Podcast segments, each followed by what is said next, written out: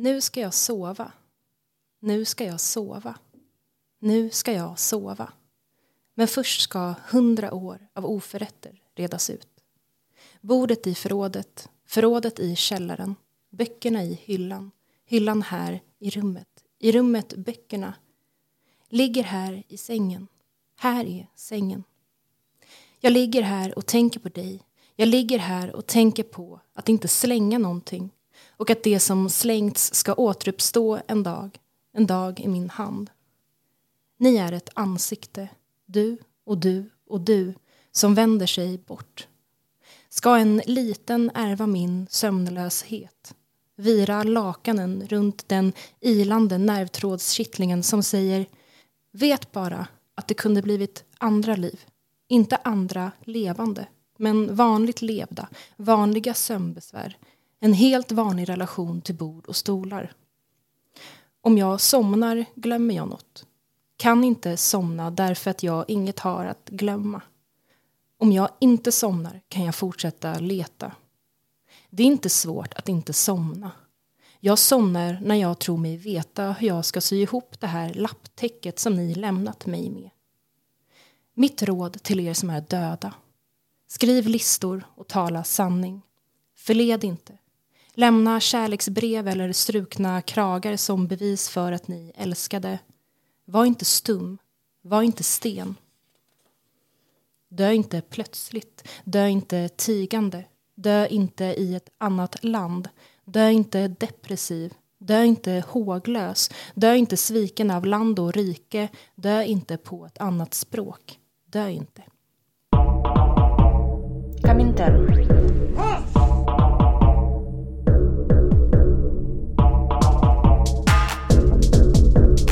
berätta inte för mig om det svenska klassamhället.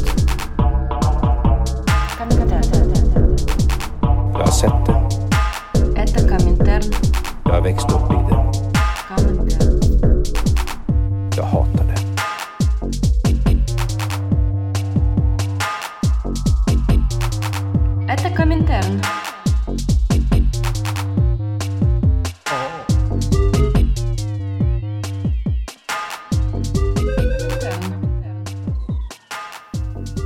Hej och välkomna till eh, Kommentärs fortsatta Stockholms eh, extravaganza.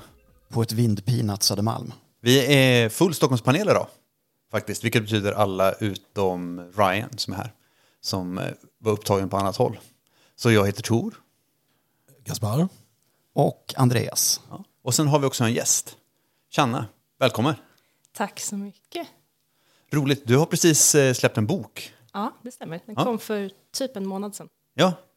Eh, ja, och det är för mig lite av en, eh, men en annorlunda bok. Jag är inte speciellt kulturell, har läst väldigt, väldigt lite poesi. Och har liksom någon sorts idé om att jag inte riktigt förstår mig på poesi överhuvudtaget. Men jag har faktiskt haft väldigt stor, eh, ja, men läst den här boken med väldigt stor glädje faktiskt. Mer som en berättelse än som en diktsamling som man liksom tar ut, där man kan recitera lösryckta stycken ur. Att de, de hänger ihop liksom, på ett annat sätt. Ja, vad, eh, vad roligt att höra.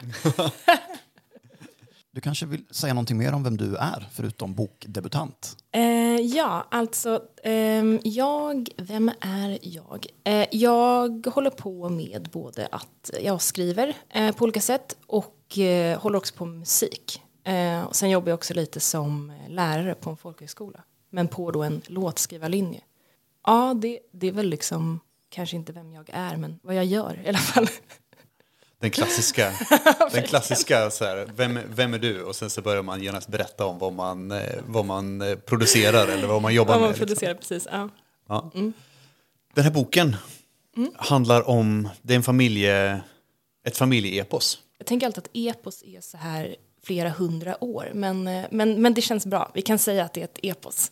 Men vad fick dig att skriva om, om din familj? Ja, alltså jag har inte alltid gjort det. Liksom. Jag har hållit på och skrivit länge och sådär. Men, men att börja skriva om, om det här och om min familj. På sätt och vis så har jag väl gjort det lite hela tiden. Liksom.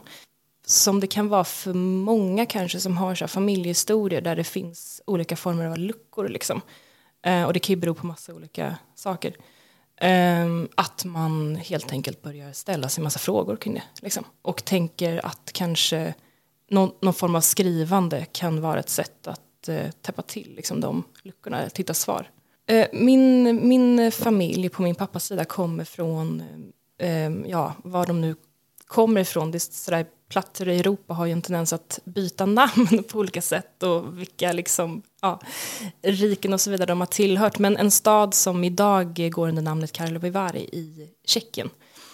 Eh, och kom hit som, eh, min pappa var väldigt liten eh, och han kom hit som, som flykting eh, när han var fyra år, 38. Ehm, och jag tänker att liksom på, på en massa olika sätt så av liksom på grund av flykten, på grund av krigen och liksom på grund av eh, en massa olika liksom politiska ja, omständigheter och liksom förflyttningar på något vis eh, så är det ju en massa information och kunskap och berättelser som helt enkelt inte går att få tag på. Liksom. Eh, och också någonting som jag tänker ofta händer med liksom, eh, människor som flyr är liksom att man, man kanske dels själv inte riktigt vet men också att man, man bestämmer sig för en version av kanske sanningen som man också, eller av liksom det som har hänt som man också ska kunna leva med. Liksom. Ehm, Jag, ja, måste, jag måste bara sticka in en liten eh, fråga. ja, gärna. Eh, bokens titel, Karlsbad, Ja. är det eh, anspelade på, för du nämnde ett, annat platsnamn som lät snarlikt och sen så nämnde du också att platser bytte namn. Så jag bara, för, men absolut. Alltså det är ju då, alltså jag är ju uppvuxen med att vi har talat om den här platsen som Karlsbad. Eh, och som jag har förstått det så gick den också under namnet Karlsbad. Eh, kanske, ja, ungefär fram till liksom krigsslutet, alltså slutet av andra världskriget. Eh, och anledningen till det var att eh, de flesta som bodde på den här platsen var tyskspråkiga. Det tillhörde liksom eh, först då Österrike-Ungern, sen eh, Tjeckoslovakien och sen då Tjeckien. Liksom. Eh, men att de flesta som bodde här pratade eh, tyska. Liksom. Så Karlsbad är liksom det tyska, den tyska versionen av Karlovy Vary helt enkelt. Var det svar på din fråga? det var det absolut. Ja. Absolut. Men, men, ja, men det leder ju till en följdfråga naturligtvis. Ja, ja, ja. Varför, varför valde du det tyska namnet som, som titel på boken? Nej men alltså därför att min, min familj då, de var ju liksom, de pratade ju tyska liksom. Alltså det här var ju då ett område som, som också går under namnet, eller går, gick under namnet, alltså Sudetenland. Som var då eh, liksom ett område som, som Hitler då hävdade var liksom tillhörde Tyskland. Och som man också då eh, annekterade 38. Alltså för mig har det varit att använda det tyska namnet, det är liksom för att det är så jag har liksom, det är så vi har pratat om den platsen. Men också tänker jag att så här, det är också en plats som på många sätt inte finns kvar. Alltså den fysiska, alltså staden finns ju. Men som Karlsbad finns ju liksom inte kvar. Alltså idag är det ju nästan ingen på den platsen som pratar tyska. Liksom. Och det finns ju ingen, det finns en judisk församling, den är ja, väldigt, väldigt, väldigt liten. För det första då så eh, fanns det ju en ganska stor liksom, judisk befolkning i, i Karlsbad då som jag säger. Eh, och de, ja, folk deporterades ju, liksom, mördades eller flydde då. Liksom. Så de, de försvann ju. Liksom. Sen fanns det också en icke-judisk tyskspråkig liksom, befolkning i Karlsbad. Eh, och vissa av dem eh, liksom flydde ju också, tog sig ju därifrån på olika sätt av liksom politiska skäl. Då. Eh, men sen så fanns det ju också eh, väldigt många kvar då efter kriget och, och det ska också sägas många var ju också nazister. Eh, och det som hände efter kriget var ju att man, eh, man, man eh, bestämde sig för att liksom, eh, ja, men, kasta ut då den tyskspråkiga befolkningen ur Tjeckien. Liksom. Eh, så det var ju alltså flera miljoner tyskspråkiga tjecker som, och jag menar, med motivationen att så här, de här var liksom fascister, de var nazister. Och många var ju det. Inte alla liksom. Eh, men så att, det, så att eh, båda de här då två liksom händelserna, eller liksom så, har ju då gjort att idag så, och sen tänker jag också att liksom efter kriget så var det ju också, det är klart att det fanns folk kvar som kunde tyska, men det var kanske inte ett språk som man talade liksom. Nej, det är ju en, en intressant passage. Eller en, en eh, anekdot som du tar upp i boken. Att eh, ni, de är där. Ni, Ja. Det är lite svårt med, eller jag har lite svårt med vem som är vem. Som är vem. jag förstår det. Kanske med by design. Eh, men att eh, det är, eh, de frågar en, en polis om vägen någonstans. Han bara, nej men jag kan inte alls någon, jag kan ingen tyska. Nej visst. Eh, och det där tänker jag, ehm, alltså det där är nog, det finns nog så otroligt många sådana platser i Europa liksom, och i andra delar av världen också. Men liksom just det här hur språk liksom, och liksom hur olika platser plötsligt liksom, saker kan gå väldigt fort. Ja, så att i den här händelsen som, som finns då med i den här boken är ehm, det är min, min faster som har liksom pratat om det här att hon, jag vet inte exakt när det här kan ha varit men att hon hävdar i alla fall att hon var då i Karlsbad. Ehm, och liksom att hon förstod ju på liksom hur gamla folk var. Att den här personen måste ju, ha, måste ju kunna tyska. Liksom. Men det var ju liksom ingenting som... Och jag, alltså det där är ju komplicerat. Jag tänker, eh, Gaspar, du, du frågade också här, men varför använder du det tyska namnet? Så här?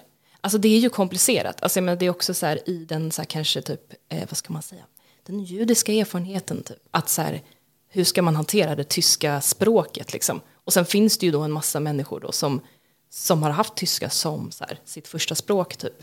Eh, och som sen också har blivit liksom, ja men författare. Jag tycker, vilka är de som var de som tog det aktiva beslutet liksom att lämna, att lämna Karlsbad? Ja, alltså ehm, min farmor, de var liksom födda bara två precis i slutet av 1800-talet. Så här 90 97 och 94, något sånt där. Och min farmor kom liksom från en, en väldigt så här, eh, ja, men så här högborgerlig familj typ. Ehm, och hon studerade till eh, läkare, hon blev barnläkare. I liksom, som jag har förstått det, det här är också lite så, det sägs olika saker. Men hon studerade liksom i Prag, i Wien, i Paris. Alltså en sån här liksom nästan eh, ja, så här, nästan så här klyschig idé om typ så här, den så här, europeiska borgerligheten. Typ, att man så här bara ja, levde Men- på det sättet. Liksom. Alltså 20 20-tals högborgerlighet liksom. Visst, visst, visst. Eh, och hon kom ju då från en judisk familj eh, i Karlsbad. Eh, och min farfar kom ju från delvis lite andra, liksom, hade en delvis lite annan bakgrund. Eh, hans eh, pappa jobbade, var någon slags, liksom, alltså, jobbade på posten på ett eller annat sätt. Jag vet faktiskt inte riktigt exakt hur, liksom. men ehm, och han eh, och hans mamma tror jag kanske inte arbetade, liksom, hon arbetade väl hemifrån som man säger idag. Men, eh, ehm, nej men och han var, han var arkitekt.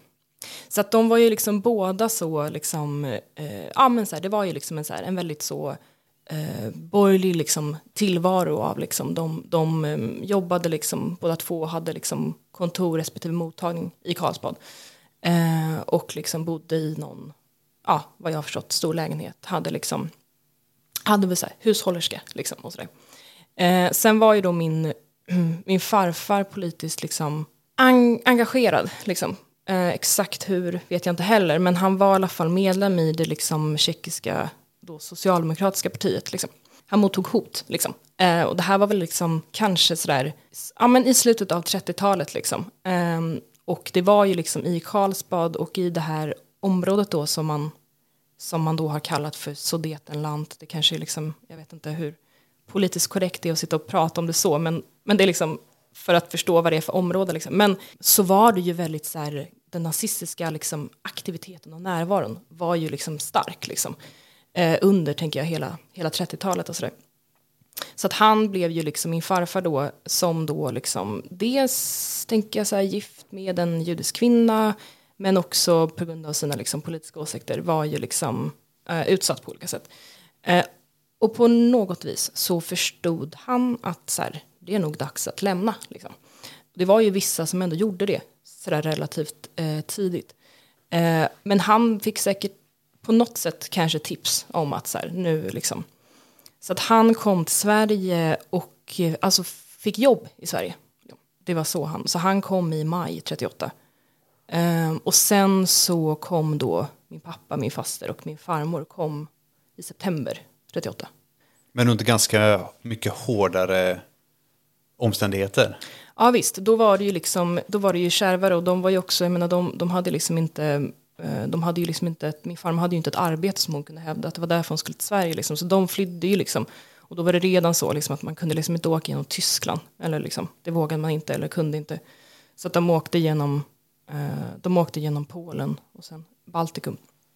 Eh, och sen till Helsingfors och tog en båt. Det handlar ganska, eller så här, det jag tyckte var fint med formen för boken var att man kunde, eller att du kunde liksom förmedla den här, dels känslan av paranoia som hon känner, att det är, så här, det är väldigt, eh, hon, är, hon är väldigt, väldigt paranoid när hon åker och väldigt, väldigt orolig för, sin, för att det ska hända hemska saker liksom. Jag tänker att det där är liksom en, ja, men en sorts så här paranoia, som, eller en, så här, en misstänksamhet som, som, så här, som väl är mm, rimlig på en massa sätt. Typ så här. Men som också övergår till en så här extrem kanske form av paranoia och en känsla av att så här, vi vet inte vilka vi kan eller vem vi kan lita på så vi litar inte på någon. Vilket också resulterar i att de inte äter typ, någonting. Ja, alltså precis, i alla fall som det är beskrivet då i, i liksom boken. Eh, vad är sant och så vidare. Men, men visst, liksom att så här, man ska inte ta emot någonting, liksom, om någon, en främling liksom erbjuder en, jag vet inte, brödbit. Så ta inte emot det. Du, du nämnde i, i början av samtalet att du, eh, alltså du på något sätt har skrivit eller bearbetat den här historien eh, liksom över en längre tid eller kanske till och med alltid. Men, men vad var det som liksom fick dig att säga att okej, nu, nu ska jag göra det här som ligger i bakgrunden explicit på något sätt? Eller nu ska jag, fanns, det en, fanns det en händelse eller något sånt där som, som fick dig att liksom tänka att nej, men nu vill jag göra det här? Eh, jag, jag har liksom hållit på och skrivit på det här som blev den här boken under väldigt många år. Så jag tänker att det finns kanske olika händelser som har gjort att liksom jag har börjat eller fortsatt framförallt kanske. Eh, dels har det väl varit så här att typ, inte vet jag, så här, läsa andra personer som också typ skriver om kanske liknande erfarenheter. Typ, och förstå att så här, ah, okej, man, man, kan, man kan skriva om sådana här saker. Ehm, men en annan grej som jag tänker var liksom att för ett par år sedan så började jag, jag har skrivit lite grann i liksom tidningar och sådär. Um, och alltså and, en helt annan typ av text, liksom, inte liksom poesi utan mer liksom kanske essäer och krönikor och sådär. Och den första sån, liksom, den första gången jag skrev en sån text, det var liksom, um, det var 2017.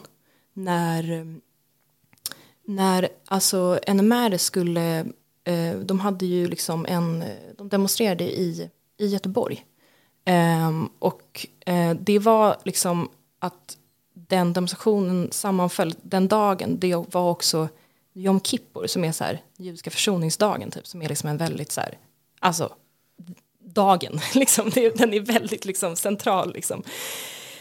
Eh, och eh, då var det som att jag bara så här okej det var någonting med så här att förstå att de här två sakerna skulle hända samma dag som liksom satte igång någonting. En känsla av att så här, det här, jag vet inte, bara en, en, så här, ett behov av att typ så här, formulera mig kring det.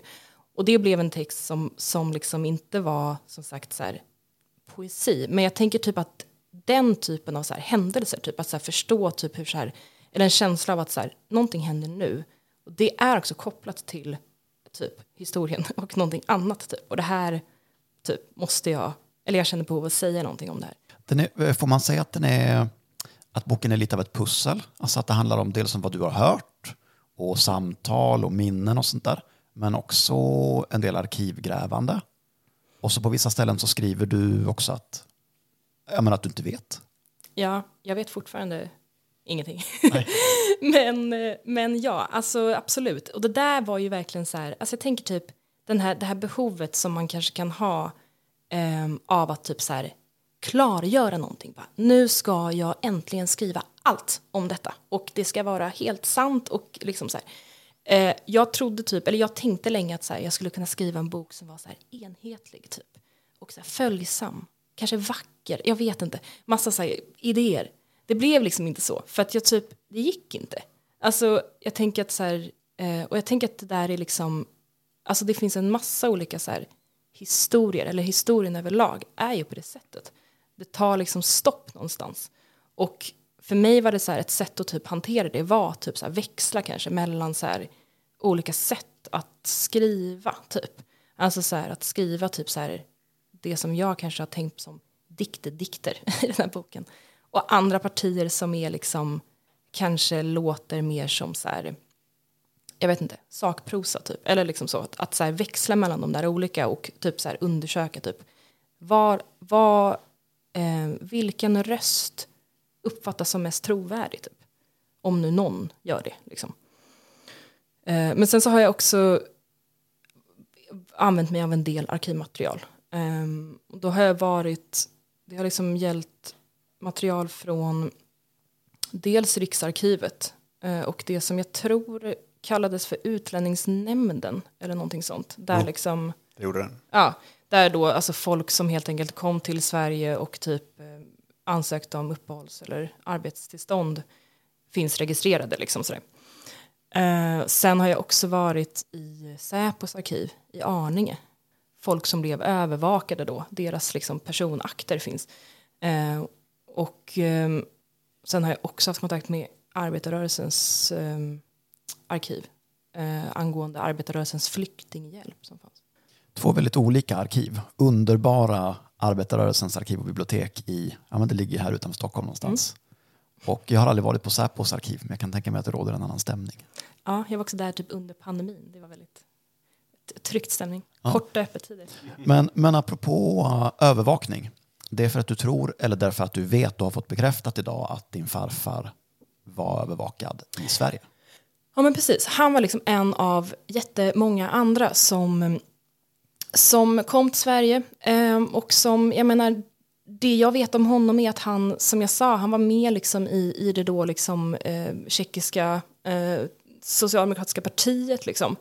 Sen tror inte jag att han var särskilt liksom mer aktiv än så, framför allt inte när han hade kommit till Sverige.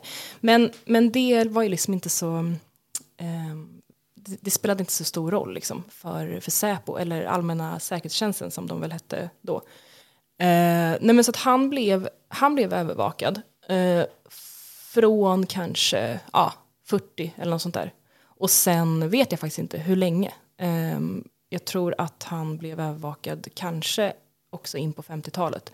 Eh, men det är liksom sekretess på delar av hans akt fortfarande. Så jag vet inte när den avslutades. Så oerhört frustrerande. Ja, det. Får du något eh, slutdatum för sekretessen? Nej, nej, det får jag inte heller, för det kan de inte avslöja. Så det är en sån här väldigt speciell situation av att, av att jag får då ut, tror jag, en ganska stor del av akten. Men det kan jag inte heller veta. Alltså jag vet, ja.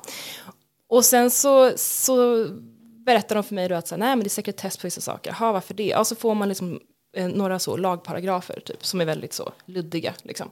Men de kan ju inte tala om för mig varför jag inte får se materialet eftersom det är sekretess på det. Alltså det, ja, det är otroligt frustrerande. Som en riktig Kafka, Kafka-känsla. Ja men faktiskt, och typ också stå där i, i arkivet och tala med den här personen som har liksom maskat akten och som vet exakt vad det står. Alltså det är en väldigt, ehm, ja det här är liksom, jag kan ligga sömnlös över detta. För jag fick känslan av att han var, att han var liksom eh, övervakad som misstänkt, som misstänkt kommunist även efter, eh, alltså långt in efter kriget. Ehm, Men det, ja, kanske inte var, det kanske inte är helt, eh, det kanske en sanning med viss modifikation. nej men alltså jag, jag, så har jag också uppfattat det liksom. Så, så tror jag att det var.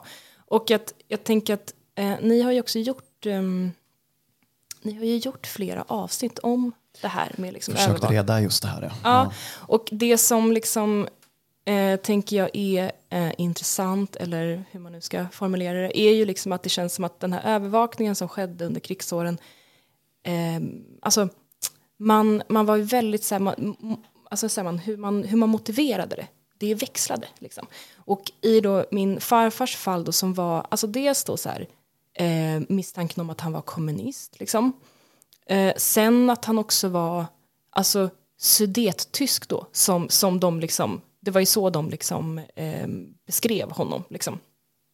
Och det var ju då liksom, men misstanken om att han skulle vara alltså spion på ett eller annat sätt. Och det känns verkligen som att det är så antingen så bara, han spionerar för Sovjet typ, eller jag vet inte, för Tyskland. Alltså det känns som att det var väldigt så här, bara, det är något, det är något fel med den här liksom, individen. Typ. Han är en suspekt. Han är en suspekt. suspekt karaktär.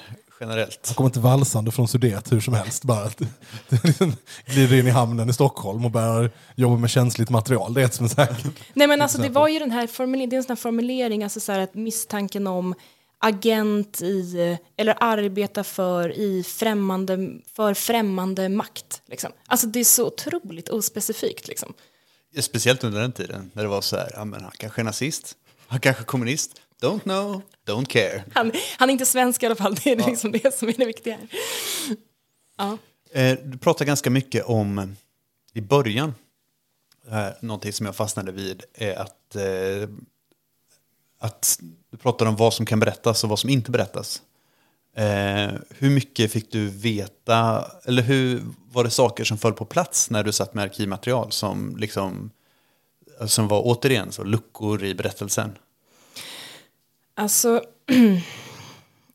jag, mm, jag tror kanske att, alltså visst, det, det är klart att det var vissa så här, så här detaljer kring typ, eh, ja men, för att i, i de här olika akterna så redogör ju då till exempel min farfar för sin bakgrund, var han har arbetat, var han har studerat. Alltså sådär.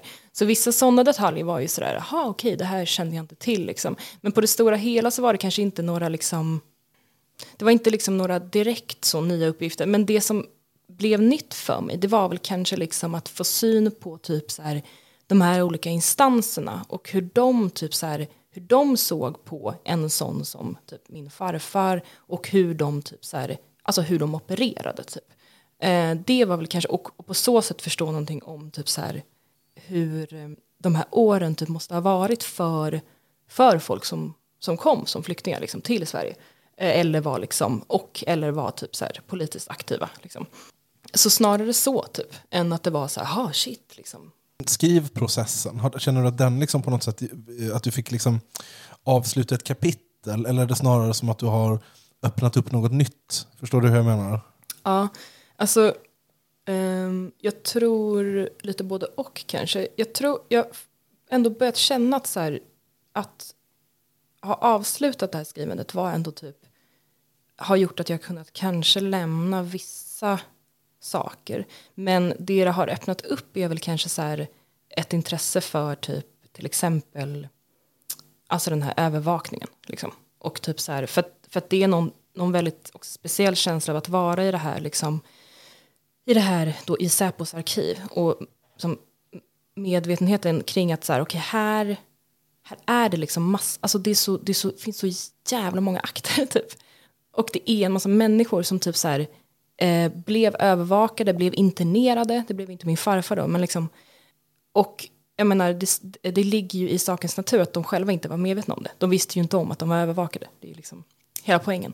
Eh, så det är typ så här, eh, d- ehm, ja, jag har liksom blivit väldigt så ehm, nästan besatt av den tanken. Att så här, no, jag måste göra någonting med de här akterna typ. Liksom.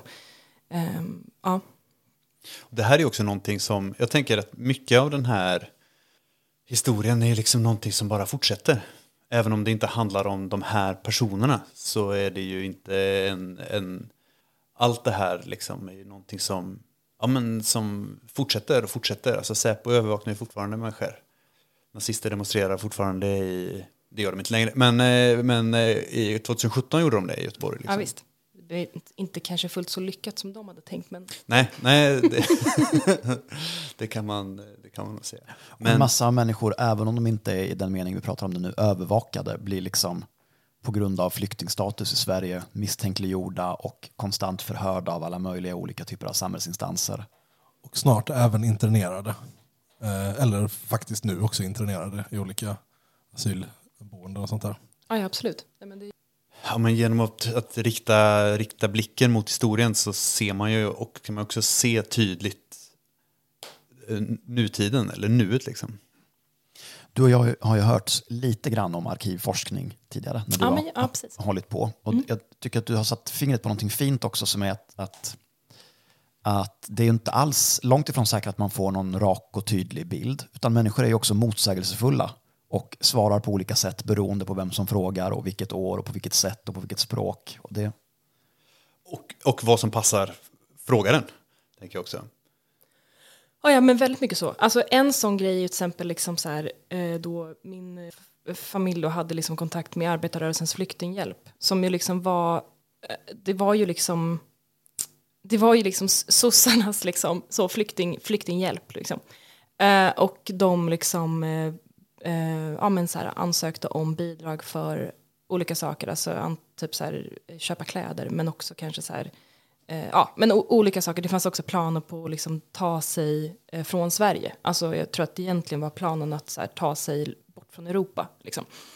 Ehm, och och, och, och liksom, som jag har förstått arbetarrörelsens flyktinghjälp så var det ju liksom så här, man var ju, man var ju supernoga. Alltså så här, om man på något vis var liksom, hade, liksom, var kommunist, alltså hade samröre med kommunist, alltså då var man ju bara så här, hej då, liksom. Det var ju, det var ju otroligt liksom, hårt. Så här. Ehm, eh, och samtidigt då så finns det andra liksom så här, um, annat arkivmaterial där då men hela grunden för att min farfar blev övervakad var då för att han skulle ha varit kommunist. Liksom.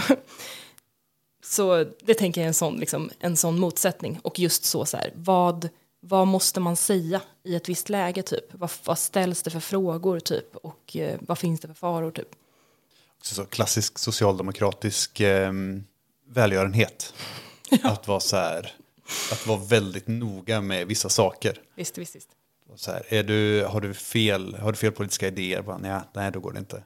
Det är också inte så så svårt att tänka sig att dåvarande Säpo hade en ganska bred definition av kommunism. Så även mycket vänstersossar hamnade nog innanför den, liksom, innanför det skranket. Du hade varit körd, Tor. Det tror jag. Till, till, min, till min stora indignation hade det också blivit så. Jag är hellre samsorterad med italienare än... eh, Vi, vi, vi fick en väldigt rolig bild skickad till oss en gång från Polismuseets utställning. D- Där visade det sig att de någon gång under, vad är det då, 10-tal, 20-tal Ja, någon gång då. kanske, så har polisen i Sverige samsorterat anarkister och italienare. Ah, ja, ja, all right. Vilket jag tycker är fantastiskt. Det är ju innovativt, eller något. Det säger lite om den italienska diasporan till Sverige. Vilka, och vilka, att de, de eh, pratade högt och eh, tyckte inte om auktoriteter och vidare. Frid över deras minne. Ehm, nu har vi pratat ganska mycket om personerna som kommer hit till Sverige. Men det är minst en person i din bok som inte gör det va?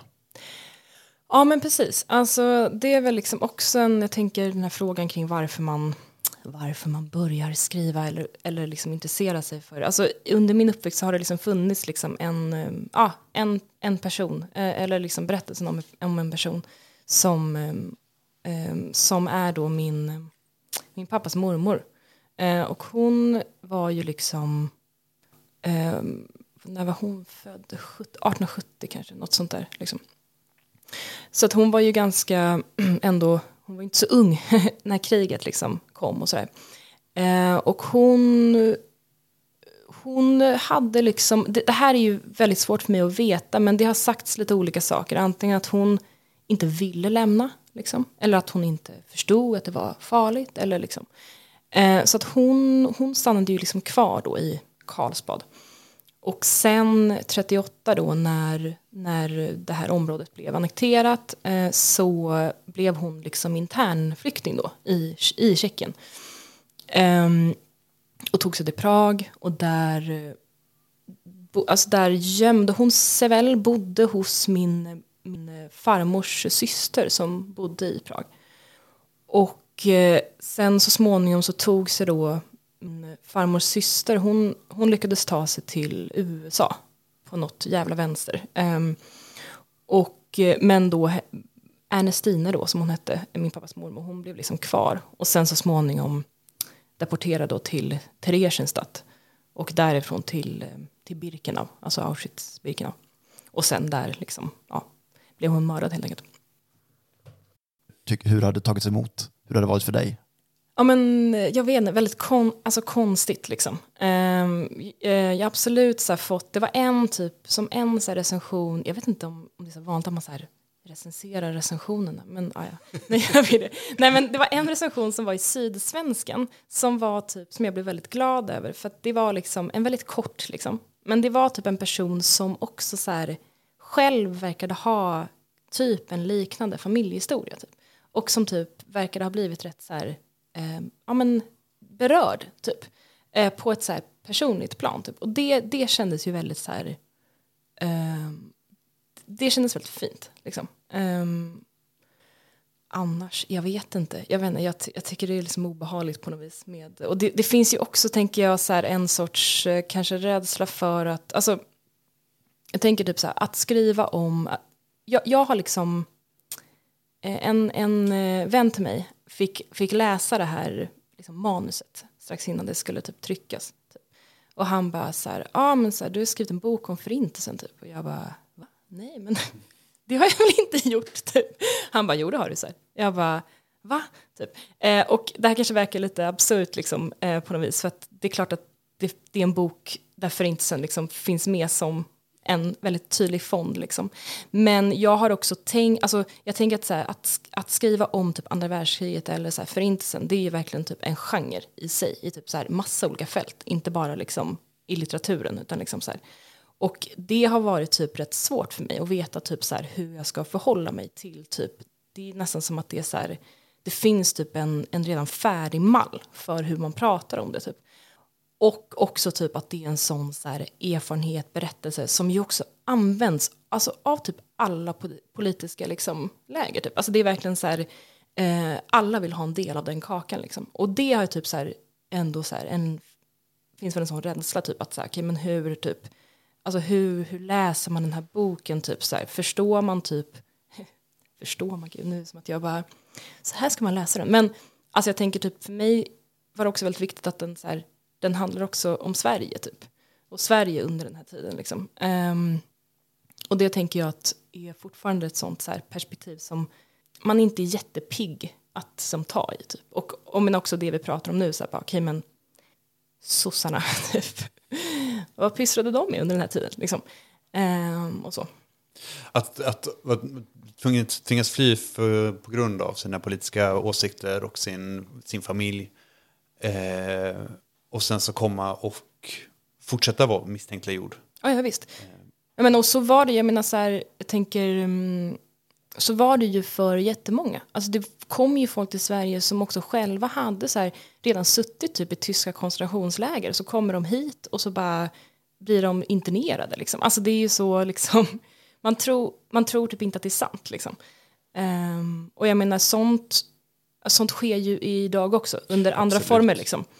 Eh, men, ehm, men absolut, och jag tänker att också som någon av er sa här, liksom hur man också eh, hade liksom så här, man, man blandade ju också ihop alla möjliga olika liksom politiska inriktningar. Alltså det var ju typ så här, du var typ så här, eh, ja men så, vänstersosse, eh, syndikalist, anarkist, pacifist, kommunist, alltså det var ju liksom hur som helst. Typ.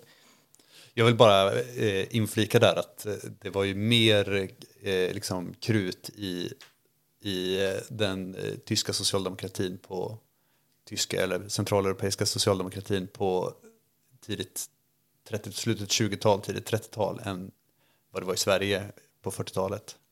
Eh, jag vet inte exakt när Liebknecht och ehm, Luxemburg var aktiva men det är ju någonstans i de, i de krokarna och de räknades ju som socialdemokrater. Ja, ja visst, jo men absolut. Det, mm, Till en punkt. Tills de inte fick vara med mer. Ja, jo.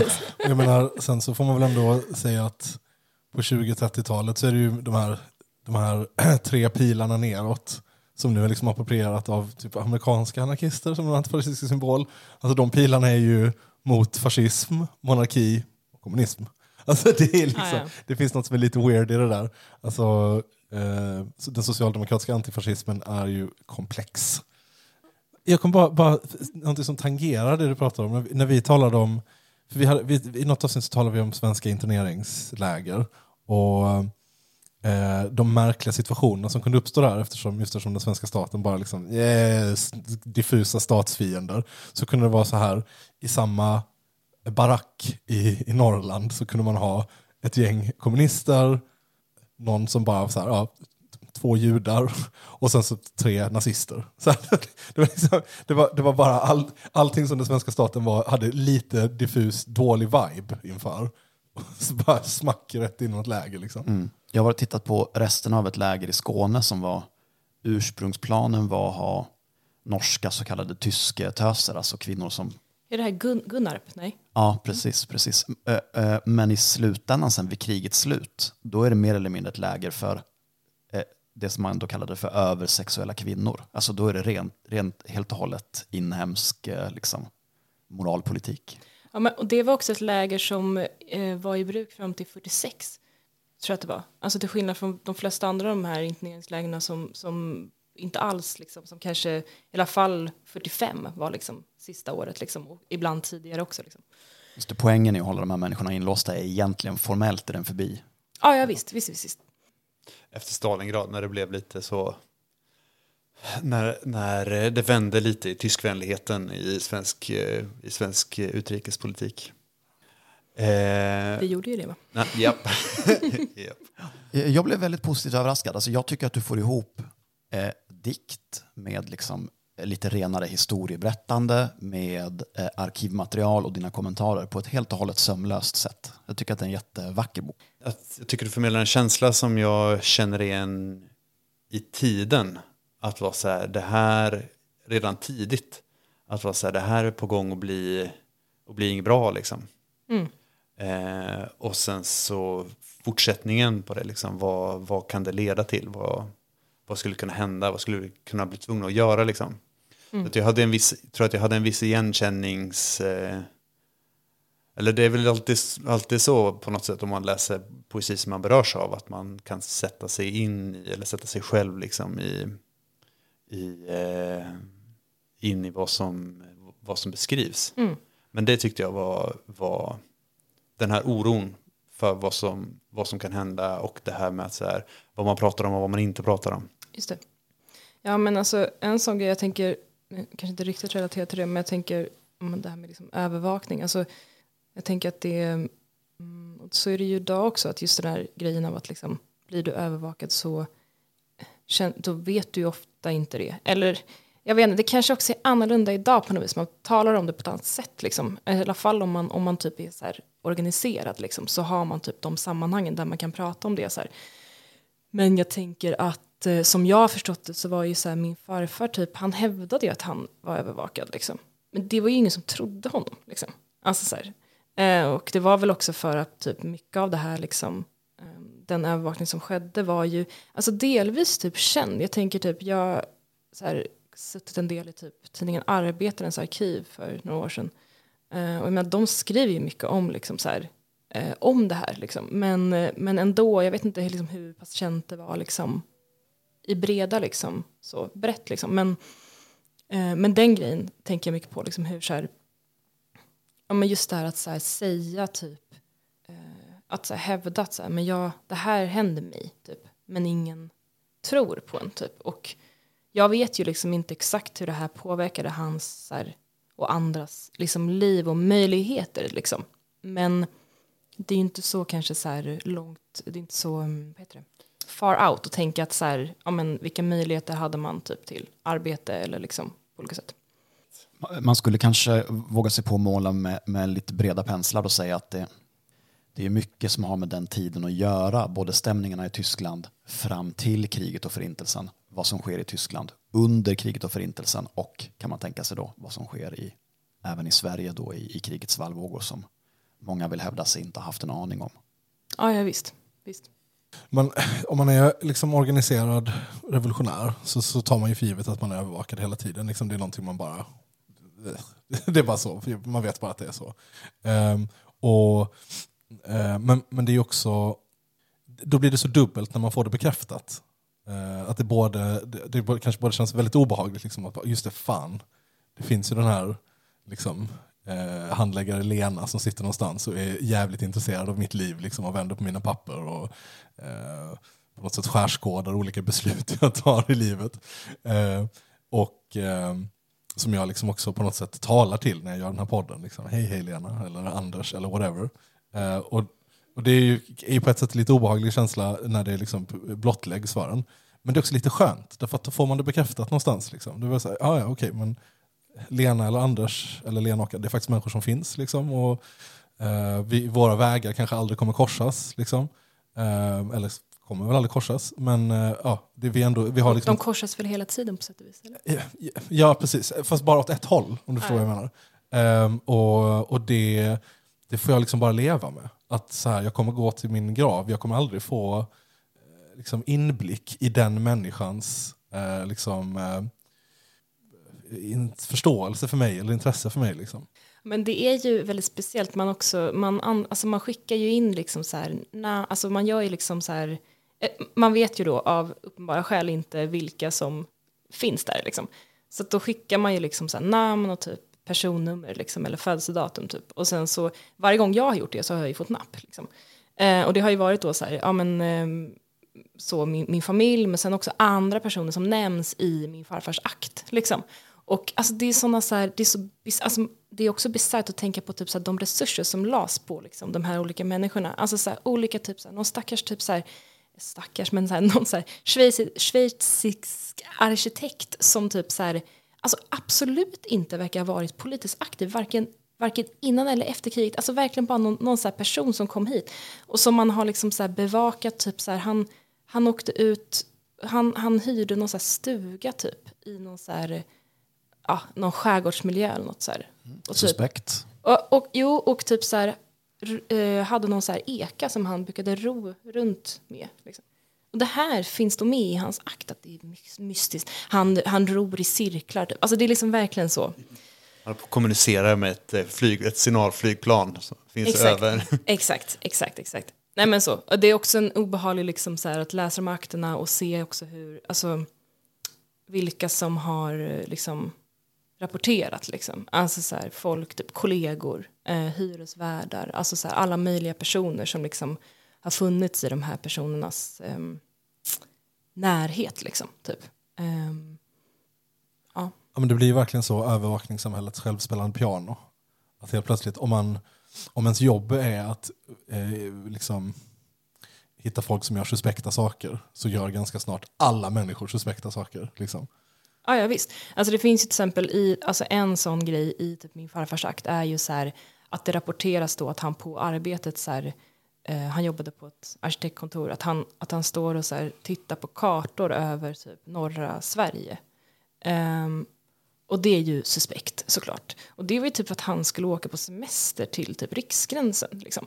Eh, eller att han typ så här för viskande samtal på tyska. Typ. Ja, alltså han kanske pratade med min farmor i telefon. Typ. Alltså det är ju verkligen liksom så. Bara greppa efter halmstrån. Liksom så. Det kanske visar sig sen om ett par generationer, Gaspar, när, när någon av dina, dina, dina ättlingar ber ut dina papper. Att de överhuvudtaget inte har uppfattat den här poddradion som du gör. Men, men vid något tillfälle så har du plockat svamp i närheten av ett skyddsobjekt. Nej, den stora rädslan är ju naturligtvis att, eh, att, att, man, att det inte finns någon Lena eller Anders. det, är liksom, det finns tre suddiga bilder från en Antifa-demo 2009. Liksom. That's it, sen är det bara en tom mapp. Någon som vet vem det här är, står det. i bild. Ointressant för utredningen.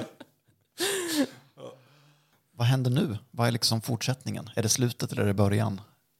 Ehm, Nu reser du runt på bokturnéer såklart. Eller, ja, eller på ditt... Eh, Aha, på ja, ditt men jag ska göra kanske? lite så här, jag ska eh, rätt mycket till Göteborg faktiskt. Ehm, på olika så här, göra olika läsningar och sådär. Det är väldigt kul. Ehm, sen, ja, vet jag inte. Är det här, jag måste bara fråga, är det här något nytt? Är det här en ny liksom, social situation för dig att vara så nydebuterad författare och bli runtbjuden på massa ställen? Eller är Alltså- det gammal skåpmat? Nej, nej, alltså jag menar, eh, nej, jag har absolut inte blivit inbjuden till olika grejer. Men sen så har jag liksom hållit på och skrivit länge, så här, gått en massa olika skrivarutbildningar typ. Så att jag är liksom inte helt så här, det är inte så att det är liksom så här helt nya sammanhang. Men på det här sättet att så här, ja men till exempel bli inbjuden till en podd. Det är framförallt vi som ska tacka. Ja, verkligen. Ja, men jag kan också säga, i, senast igår så pratade jag med en vän om att jag hade blivit inbjuden till den här podden. Och det var faktiskt att han började prata om den här podden. Av en helt annan anledning. Och då sa jag, men vet du, jag ska. Ja, det gör mig orolig och generad att människor utanför min närmsta krets... Han var imponerad. Ja, vad roligt att höra. Hälsa din vän så hemskt mycket. Eh, men eh, ska vi se, det, här, det dröjer ett tag tills det här kommer ut. Men finns det någonting du vill pusha för? Vill du säga så här, läs mig i Arbetaren eller köp min bok eller? Ehm, ja, alltså jag har inte arbetaren, jag har inte skrivit för arbetaren på ganska länge. Men man kan ju, man kan ju läsa, eh, man kan ju läsa de texter jag publicerat där. Jag skulle säga den som jag är, är på ett sätt mest stolt över, för att det är ett ämne som jag egentligen inte kan någonting om. Det är en text som handlar om såna ISK-konton. Den kan man läsa. Den har vad- ingenting med den här boken att göra. Men Vad är, är ett ISK-konto? ja, du, får läsa, du får läsa min text. Ja, jag läsa min text. Jag kan nämligen inte redogöra för det längre. Då länkar vi den i avsnittbeskrivningen. absolut, absolut, det. Det här var skitroligt. Eh, Hörni, hur får man tag i oss då? Man eh, går in på www.instagram Säposarkiv.se. www.instagram.se och sen så eh, söker man efter kommentaren podd. Ja, Det finns inte en chans att man kan gå in på www.instagram.se. Man får ladda ner appen i, i App Store eller någonting. Ja, Man kan mejla på kominternpodd med 2d at gmail.com. Eh, ja. Eller ska man säga hej på, på andra lång om man känner för det. Tack för att ni lyssnade. Tack för att du gästade. Ja. Tack för att jag fick gästa. Ja. ja, supertrevligt. Tack så hemskt mycket så hörs vi framöver.